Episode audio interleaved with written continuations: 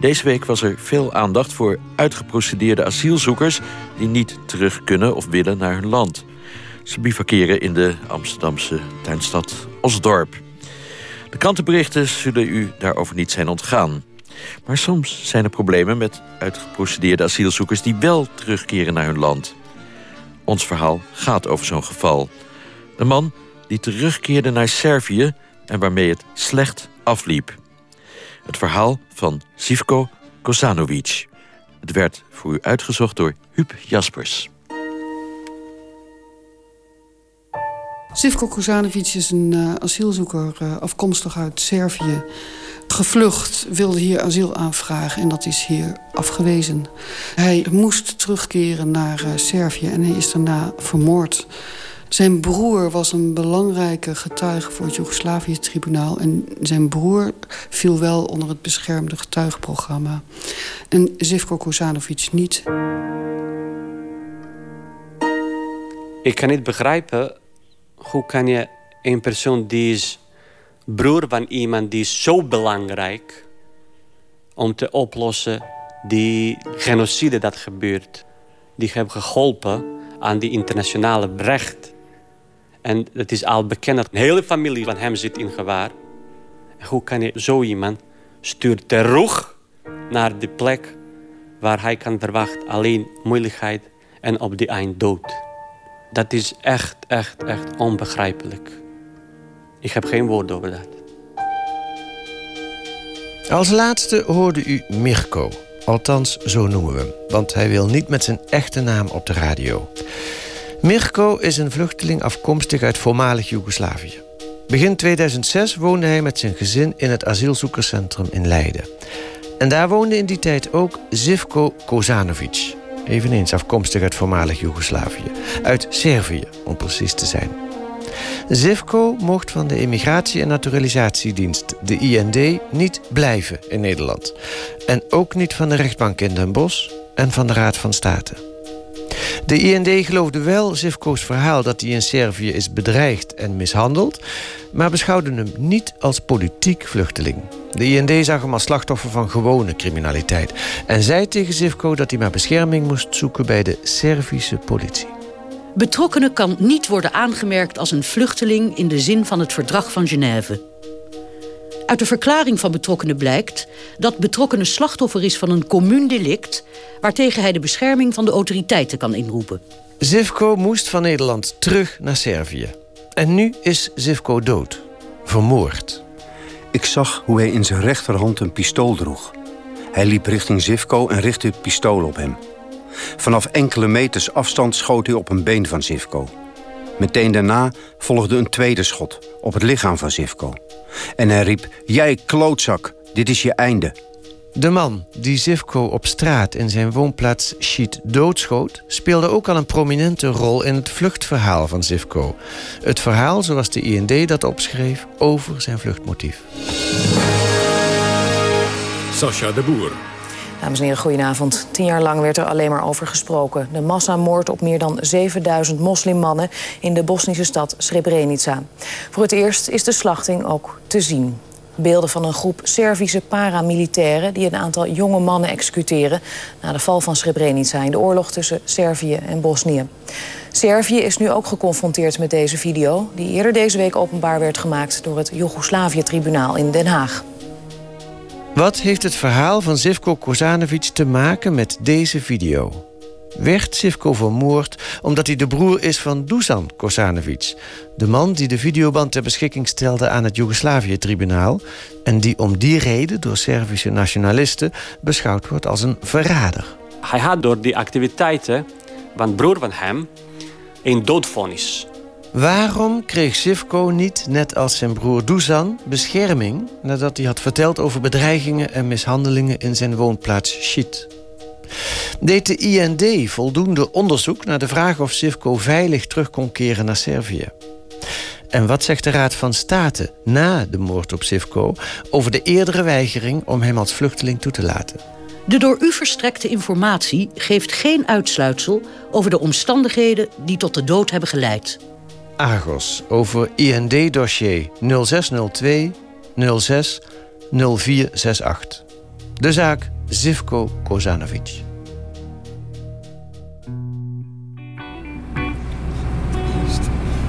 Nou rijden we het dorp uit hier. En uh, hier links een camping, Marisheem.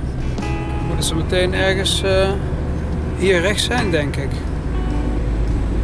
Aankomst bij bestemming aan rechterkant. Hier is het. Even kijken. COA, Centraal Opvang Asielzoekers. AZC Echt. Hier is de parkeerplaats. Argos-verslaggever Huub Jaspers is onderweg naar het asielzoekerscentrum in Echt in Midden-Limburg. Het is begin juli 2012. We zijn op zoek naar mensen die ons iets kunnen vertellen over Zivko Kozanovic. Hij woonde van eind 2005 tot medio 2007 in verschillende asielzoekerscentra in Nederland, waaronder in Echt. We zijn op de zaak Kozanovic gestuurd door een klein bericht in dagblad Trouw. De Oostenrijkse autoriteiten willen geen asiel verlenen aan de Serviër Jovan Mirilo, die een videoband met beelden van oorlogsmisdaden naar het Joegoslavië-tribunaal stuurde. Mirilo vreest dat hij bij uitzetting wordt omgebracht. Hij wijst erop dat de broer van de eigenaar van de video vorig jaar april op klaarlichte dag werd vermoord. Hij was Nederland uitgezet. Dit bericht wekt onze nieuwsgierigheid. Het lijkt om een grote zaak te gaan, maar het bericht is uiterst sumier. We gaan op zoek naar informatie. Maar omdat we bijna niets weten, is dat niet zo makkelijk. Zonder naam van de vermoorde man en zonder datum of plaats van de moord is het ook op internet lastig zoeken. Na lang zoeken stuiten we op een Servisch nieuwsbericht. We hebben nu de naam: Zivko Kozanovic. En we weten ook wanneer en waar hij is vermoord. 3 april 2009 in Schiet, Servië. Op internet vinden we ook informatie over Jovan Mirilo, de man die aanvankelijk tevergeefs probeerde in Oostenrijk asiel te krijgen. En tijdens zijn asielprocedure kreeg Mirilo in Oostenrijk een belangrijke mensenrechtenprijs, de Bruno Kreisky-prijs. We bellen met een van de betrokken juryleden, Heinz Patzelt, secretaris-generaal van Amnesty International Oostenrijk. Jovan Mirilo is een Serbischer Staatsbürger, der zich sterk engagiert had. Jovan Mirilo is een Serviër die zich heeft ingespannen om mensen die van oorlogsmisdaden wisten over te halen daarover te getuigen. Hij kende Dusan Kosanovic en wist dat hij over een videoopname beschikte van een oorlogsmisdaad, begaan door de Scorpions, een Servische paramilitaire eenheid waar Kosanovic lid van was geweest. Mirilo heeft er maandenlang bij Kosanovic op aangedrongen de videoband ter beschikking te stellen aan het Joegoslavië-tribunaal. Hij zei: Dit is uiterst belangrijk bewijsmateriaal. Je krijgt in Den Haag ook getuigenbescherming. Du in Den Haag dan Zeugenschutz en ähnliches meer. Na tussenkomst van een mensenrechtenactiviste uit Belgrado en een advocaat overhandigde Dusan Kosanovic de videoband inderdaad aan het tribunaal in Den Haag. Dat de opname als bewijs gebruikte in het proces tegen de voormalige Servische president Slobodan Milosevic. De vertoning van de opname zorgde in juni 2005 wereldwijd voor een schokreactie. In een Argos-uitzending bekeken we deze band samen met Joris Voorhoeven, minister van Defensie ten tijde van deze moordpartij.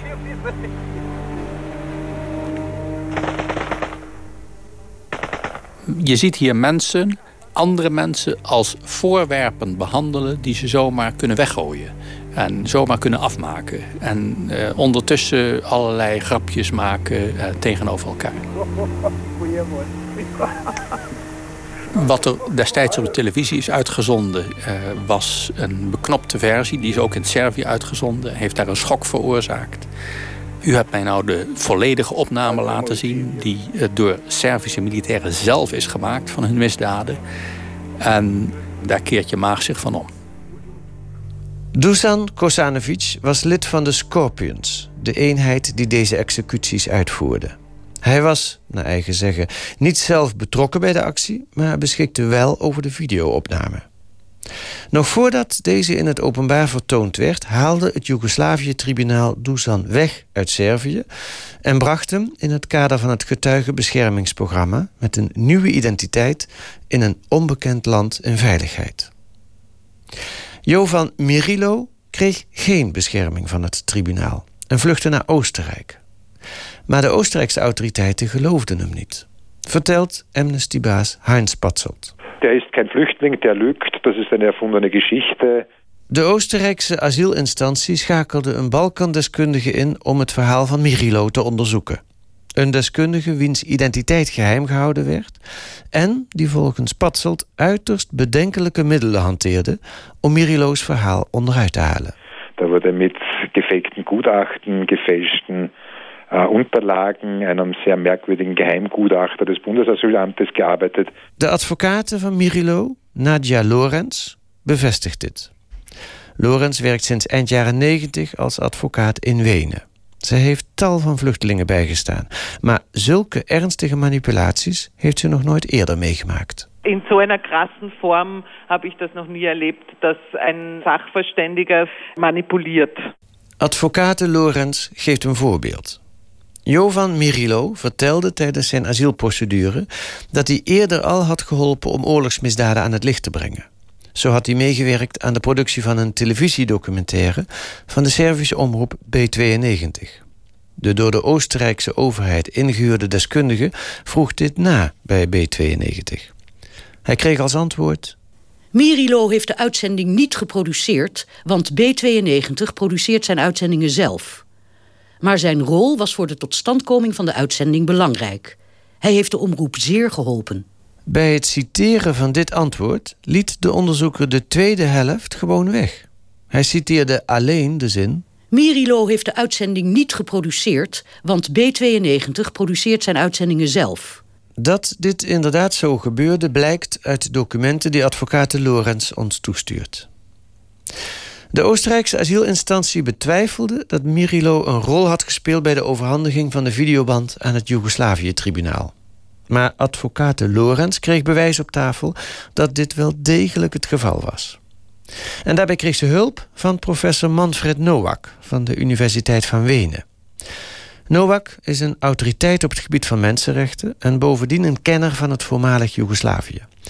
Hij was van 1996 tot 2003 een van de acht internationale rechters aan het hoogste mensenrechtenhof in Bosnië-Herzegovina. En ook werkte hij als speciaal rapporteur voor de VN. Nowak spreekt Nederlands omdat hij eind jaren 80 directeur was van het SIM, het Studie- en Informatiecentrum Mensenrechten van de Universiteit Utrecht. We hebben toch vrij goed gerechercheerd, omdat ik nog die, die meeste mensen die mij betrokken geweest zijn vrij goed ken. Ik was natuurlijk in die tijd als ik uh, UN Special Rapporteur on Torture was, had ik natuurlijk uh, heel nauwe contact altijd met ook de internationale tribunalen. En ik heb Carla del Ponte vrij goed gekend en vaak uh, ontmoet. En uh, ik heb toen ook, uh, omdat ik het ook van haar wilde weten, welke rol hij gespeeld heeft, met hij over gesproken. En zij heeft het ook bevestigd dat hij misschien niet de meest belangrijke figuur was, maar dat hij wel een rol gespeeld heeft om dat video naar Den Haag te krijgen. Carla Del Ponte was de toenmalige hoofdaanklager van het Joegoslavië-tribunaal. Zij bevestigde dus tegenover professor Nowak dat Johan Mirilo een rol had gespeeld bij het in handen krijgen van de videoband. Wij hebben vrij sterk ons ingezet dat hij niet werd teruggestuurd, omdat wij uh, van overtuigd geweest zijn dat ook nog vele jaren na deze massacres, dat mensen die in Servië worden gezien als traitors, als verraders, dat die nog altijd toch angst moesten hebben dat vroegere leden van de Scorpions of paramilitaire eenheden hem toch wat uh, zouden kunnen aandoen. En hij had ook eerlijk, hij, was echt, hij was echt bang. Dat was niet gespeeld, dat was, dat was werkelijk. Eind mei 2011 dat is na ruim vier jaar procederen, krijgt Jovan Mirilo eindelijk de officiële vluchtelingenstatus in Oostenrijk. En daarbij speelt op de achtergrond een ander belangrijk feit een rol: de moord op Zivko Kozanovic, de broer van de eigenaar van de videoband. Die moord hielp, hoe cynisch dat ook klinkt, de Oostenrijkse autoriteiten ervan te overtuigen dat Mirilo wel degelijk gevaar liep. Das furchtbare Schicksal dieses Bruders war ein wesentlicher Grund auch in unserer Asylargumentation, um die Gefährdungslage von Jovan Mirillo glaubwürdig zu machen. En daarmee zijn we van Oostenrijk weer terug in Nederland.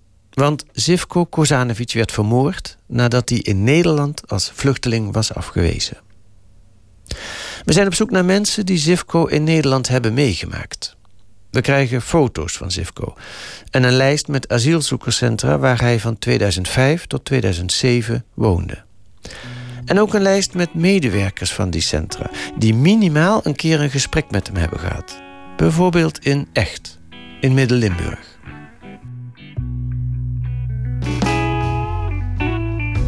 Hier wonen 400 asielzoekers. Ongeveer. Het schommelt tussen de 400 en 425. U werkt hier. We hebben afgesproken dat we uw naam niet noemen. We hebben een aantal stukken verzameld. En we hebben afgesproken dat ik u even de foto's laat zien van de man. Om eens even te kijken of er bij u een lichtje gaat branden. Nee, ik, hij komt me niet bekend voor. Maar het is een aantal jaren geleden dat hij hier is geweest. En het verloop is hier vrij groot. En omdat er hier zoveel asielzoekers zijn, het zegt me echt niks. Nee, zijn naam is Zivko Kozanovic. Nee, zegt me niks.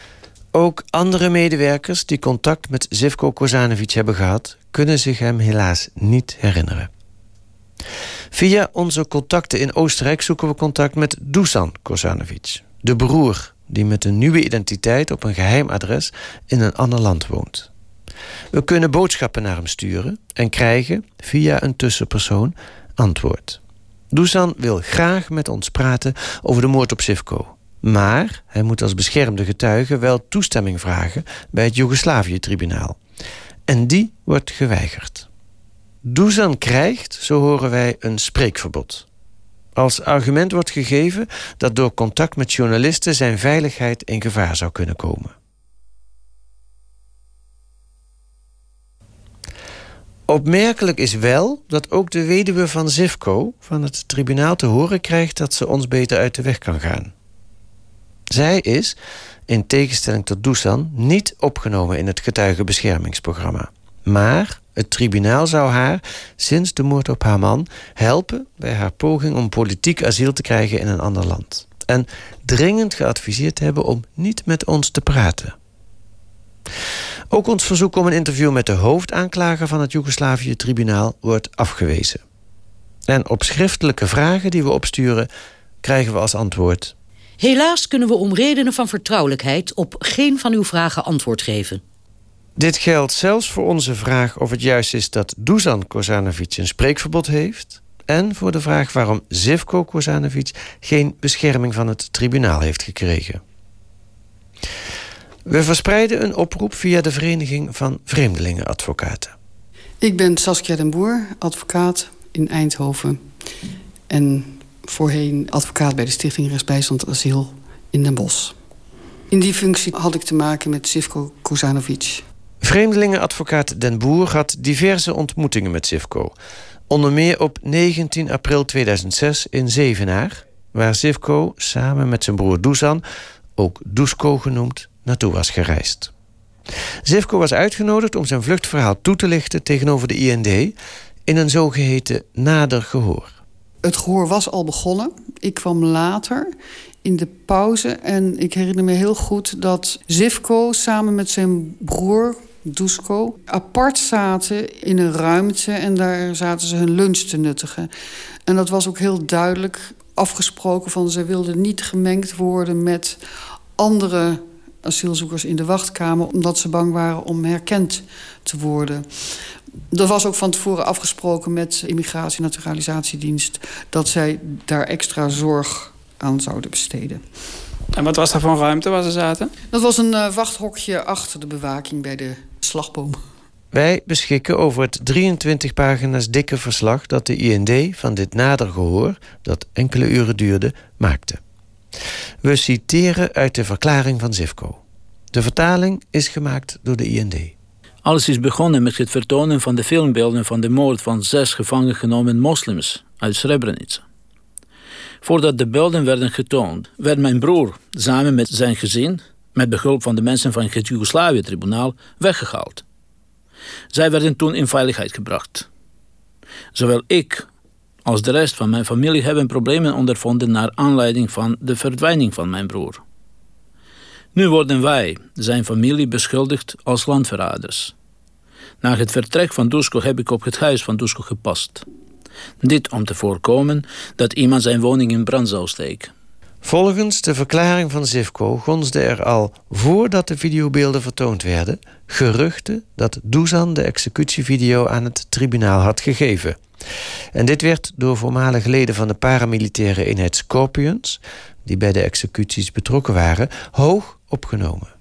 Twee mannen, Petrasic en Alexander, kwamen naar de woning van mijn broer. Zij vroegen waar mijn broer was. Ik zei dat ik dat niet wist.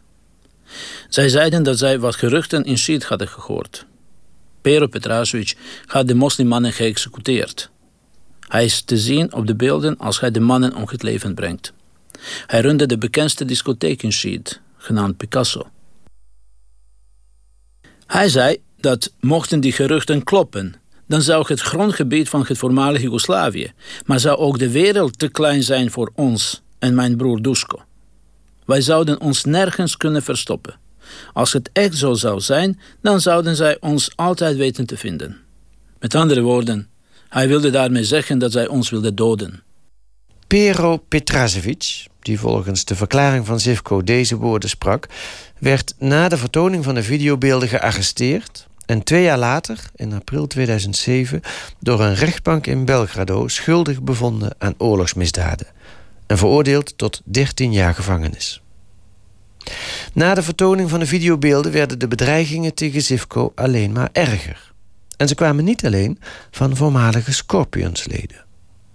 Schied is een kleine plaats, tussen de 30 en 35.000 inwoners en iedereen kent elkaar een beetje.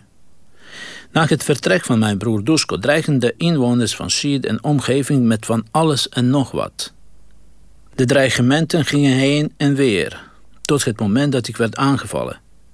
Ik was onderweg naar de winkel. Ik kreeg een klap op mijn achterhoofd. Dat was met een baseballknuppel. Een dag na dit voorval werd Sivko op straat opnieuw belaagd en achterna gezeten. Dit keer door een groep van 20 tot 25 personen die zich bij de winkel hadden verzameld. Ik probeerde daar weg te komen. Ik wilde naar de woning rechts van de winkel gaan. Daar woont een dorpsgenoot en daarmee kon ik goed overweg. Ik wilde daar mijn toevlucht zoeken. De vrouw, Gabriella, heb ik gevraagd om de politie te bellen. Na 15 tot 30 minuten kwam de politie eraan. De politie gaf de belagers een waarschuwing en joeg ze weg bij de winkel. Al dus de verklaring die Zivko aflegt bij de IND. Ter ondersteuning van zijn verhaal overlegt hij een stapeltje documenten, daaronder krantenartikelen. Een van die artikelen gaat over Slobodan Davidovic, een van de Scorpions-leden die op de executievideo is te zien. Het artikel komt uit het blad Dani en begint met de zin... Zivko Kozanovic heeft aan Dani ook de verblijfplaats van Slobodan Davidovic bekendgemaakt. Daags nadat de Dani-journalist Slobodan Davidovic in zijn huis opzoekt, wordt deze gearresteerd. Een ander artikel dat Sivko ter ondersteuning van zijn vluchtverhaal aan de IND overlegt, komt uit een lokale krant. Het is een interview met Milena Momic, de moeder van een ander Scorpionslid. Milena woont in Schiet en is een tante van Zivko. Ze vindt het schandelijk dat de Scorpions na de vertoning van de video ook in Servische media worden beschuldigd van oorlogsmisdaden. Voor haar zijn het jongens waar ze trots op is. Ze kent de meeste van hen. Het zijn jeugdvrienden. Milena is woest. De Servische media hebben ons verraden en aangevallen. Wat het meeste pijn doet, is dat hij verraden is door mijn eigen bloedverwanten. Door de kinderen van mijn bloedeigen broer. Dat heeft Zivko Kozanovic gedaan. Het artikel ondersteunt Sivko's verhaal dat inwoners van Schiet, waar een groot deel van de Scorpions vandaan komt, niet alleen zijn broer Dusan, maar ook hemzelf als een verrader beschouwen. Toch ziet de IND in het verhaal van Zivko en de bewijsstukken die hij heeft meegebracht geen reden om hem asiel te verlenen. In de beschikking, gedateerd op 29 augustus 2006, schrijft de dienst. De aanvraag van betrokkenen tot het verlenen van een verblijfsvergunning asiel wordt afgewezen. De motivering van deze beschikking beslaat vier pagina's in het zogeheten voornemen. Daarin wordt uitgelegd dat Sivko niet wordt bedreigd vanwege zijn geloof, nationaliteit, etnische afkomst of het lidmaatschap van een politieke organisatie. De kernzinnen uit de motivering luiden als volgt. Uit de verklaringen van betrokkenen is niet gebleken dat er sprake is van een dusdanig systematische negatieve aandacht voor zijn persoon dat hij hierdoor ernstig werd beperkt in zijn bestaansmogelijkheden. Uit de verklaring blijkt veeleer dat betrokkenen slachtoffer is van een commuundelict waartegen hij de bescherming van de autoriteiten kan inroepen.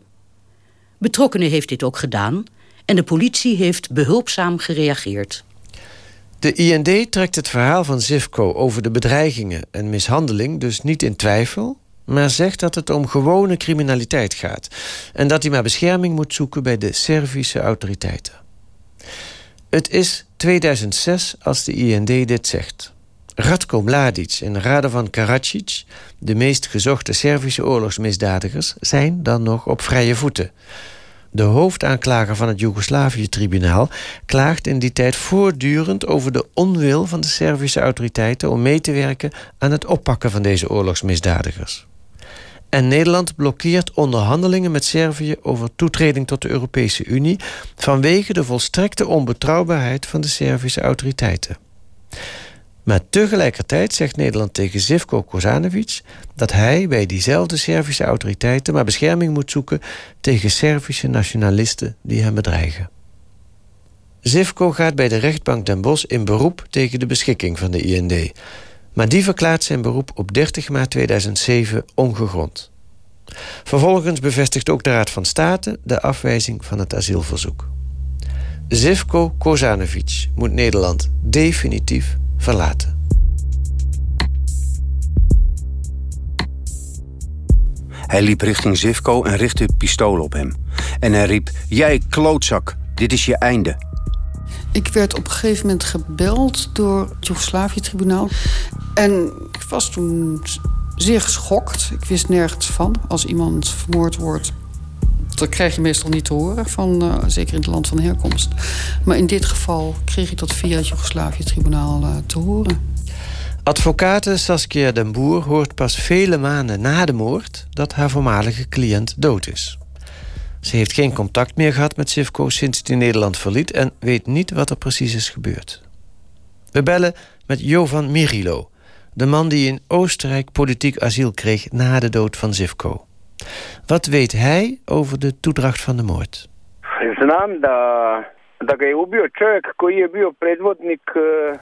De man die Zivko vermoord heeft, hoorde bij een groepje mensen die geen huis en geen baan hadden. Ze zaten de hele dag voor de winkel met bier in de hand. Nadat Dusan naar het buitenland was vertrokken, werden deze mensen ingehuurd om ons bang te maken. Ik was vaak samen met Zivko in het huis van Dusan. We hoorden s'nachts hun stemmen. Oestasjas, ga weg, ga weg.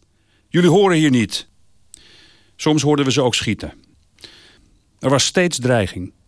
De man die Zivko vermoordde heet Stanko Milutinovic. Hij werd opgepakt en door een rechtbank in Servië tot tien jaar gevangenis veroordeeld. We vragen bij die rechtbank het vonnis, de aanklacht en andere juridische stukken op. Daarin lezen we wat verschillende ooggetuigen hebben verklaard over de toedracht. We stonden samen buiten op straat. Zivko werd gebeld op zijn mobiele telefoon. Terwijl Zivko met de rug naar ons toe stond, kwam Stanko aanlopen. Ik zag hoe hij in zijn rechterhand een pistool droeg. Hij liep richting Zivko en richtte het pistool op hem. Vanaf enkele meters afstand schoot hij op een been van Zivko. Meteen daarna volgde een tweede schot op het lichaam van Zivko... waarna die zich omdraaide en zei... Stanko, doe het niet. Stanko riep... Jij klootzak, dit is je einde. Hierna kwam er nog een schot in het lichaam van Zivko. Die viel. Stanko kwam steeds dichterbij... en bij elke stap schoot hij op Zivko, die op de grond lag. Het ging allemaal razendsnel. Het duurde minder dan een minuut. Ik rende het huis in om de ambulance en de politie te bellen. Ik zag dat Stanko boos was. Ik wist dat hij een ruziezoeker was en makkelijk door het lint kon gaan als hij gedronken had. Stanko ging door met schieten toen Zivko al op de grond lag. Volgens Jovan Mirilo werd Zivko al bedreigd door zijn latere moordenaar Stanko voordat hij naar Nederland vluchtte. En wat blijkt? Ook Zivko zelf sprak over deze bedreigingen. In het vluchtverhaal zoals hij dat op 19 april 2006 vertelde aan de IND. We citeerden eerder een passage uit dit nader gehoor. Een passage waarin Zivko vertelde dat hij bij een winkel werd belaagd door een groep van zo'n 20 tot 25 personen. Zivko noemde enkele van deze personen met naam. Stanko en zijn broer Mile. Ik zag Stanko. Hij had een stok bij zich. Aan het einde van de stok zat een ketting met daaraan een kogel. De vader van Stanko en Mile kwamen mijn richting op. Hij draagt altijd een mes aan zijn riem. Ik probeerde daar weg te komen. Ook in de passage waarin Zivko vertelt dat hij de dag ervoor op weg naar de winkel werd aangevallen met een baseballknuppel, zijn de broers Stanko en Miele en hun vader Goiko de enige personen die hij met naam noemt. Ik werd uitgescholden door de broers Stanko, Miele en hun vader Goiko. Naast hun drieën zaten er nog andere mensen voor de winkel. Die waren bier aan het drinken. Mijn tijd was afgelopen. Ik had er niets meer te zoeken. Ik moest weggaan, net als mijn broer Dusko. Zij zeiden dat ze de woning met explosieven zouden opblazen of in brand steken. Dit zijn letterlijke uitspraken van Zivko over zijn latere moordenaar Stanko. Zoals die in april 2006, dus drie jaar voor de moord, werden opgetekend door de IND. Diezelfde IND stuurde Zivko terug naar Servië. Dat is echt, echt, echt onbegrijpelijk. Ik heb geen woorden over dat. Bij onze zoektocht naar personen die Zivko in Nederland hebben meegemaakt, komen we in contact met een vluchteling uit voormalig Joegoslavië die we Mirko noemen. Hij woonde begin 2006 in het asielzoekerscentrum Leiden, net als Zivko.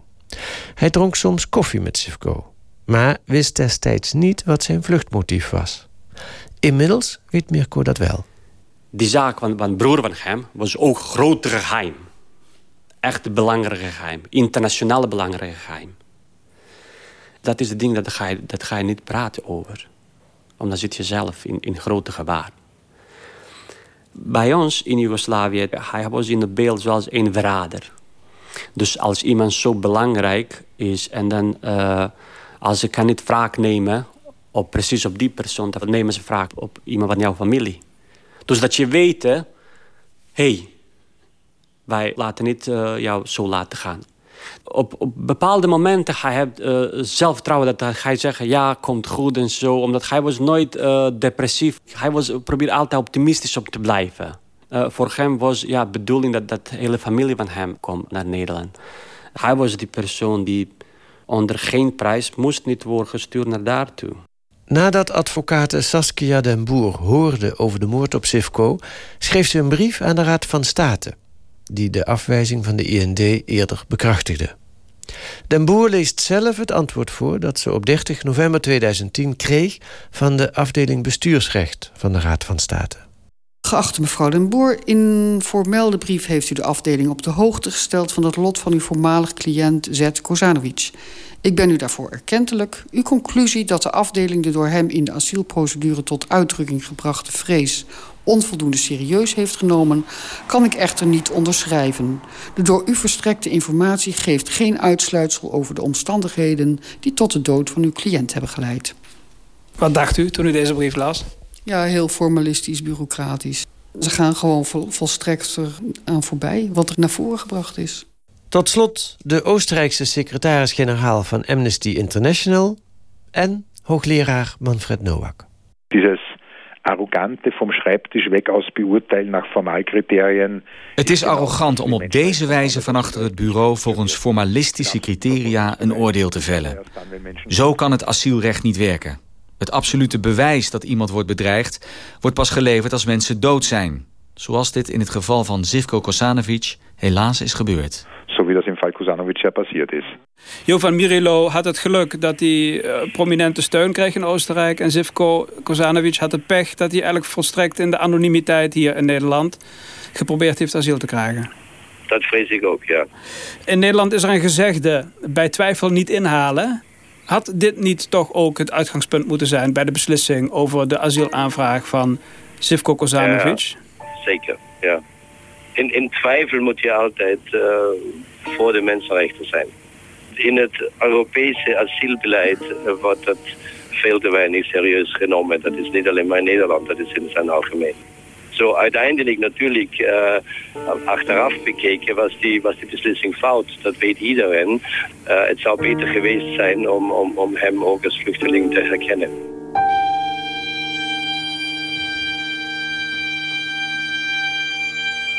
U hoorde een reportage van Huub Jaspers. De techniek was in handen van Alfred Koster. En verder werkte mee Lydia Zelovic, Ronald Huizen, Goran Trkulja, Tel van Huikelom en Kees van der Bos. We hebben staatssecretaris Teven om een reactie gevraagd... maar hij was niet bereid tot een interview.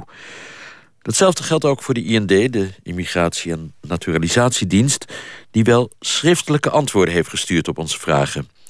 Kort gezegd blijft de INB erbij dat er in de tijd een zorgvuldige afweging is gemaakt. De dienst benadrukt dat het afwijzingsbesluit is getoetst en bevestigd door de rechter en door de Raad van State. En tenslotte schrijft de dienst... de IND weet, niet onder welke omstandigheden de heer Kosanovic is overleden... en of zijn overlijden in verband kan worden gebracht met de asielmotieven... die hij destijds heeft aangevoerd. Inmiddels heeft de Tweede Kamercommissie voor Veiligheid en Justitie... het kabinet gevraagd om een reactie op de uitzending die u net hebt gehoord. Naar verwachting zal staatssecretaris Teven uiterlijk dinsdag met die reactie komen. En woensdag en donderdag komt de kwestie dan aan de orde... bij de begrotingsbehandeling van het ministerie van Veiligheid en Justitie in de Tweede Kamer. Vooruitlopend daarop hebben we het dossier deze week voorgelegd... aan professor meester Thomas Pijkerboer... hoogleraar migratierecht aan de Vrije Universiteit Amsterdam. Je ziet dat uh, iemand voor zijn vertrek naar Nederland is bedreigd... En na zijn terugkeer uh, wordt hij uh, vermoord door een van de mensen door wie hij bedreigd is. De vraag die boven de markt blijft hangen is... hij zegt zelf, hij denkt zelf... en hij, er zijn ook wel wat feiten die dat suggereren... dat die bedreiging en de latere moord uh, samenhing met het feit dat zijn broer een landsverrader was. Met de video. Dat is eigenlijk de vraag die het dossier oproept. Is die vermoord vanwege die video? De bedreigingen en de moord hingen die samen met het feit dat zijn broer een video aan het Joegoslavisch tribunaal had gegeven. En wat betekent dat dan?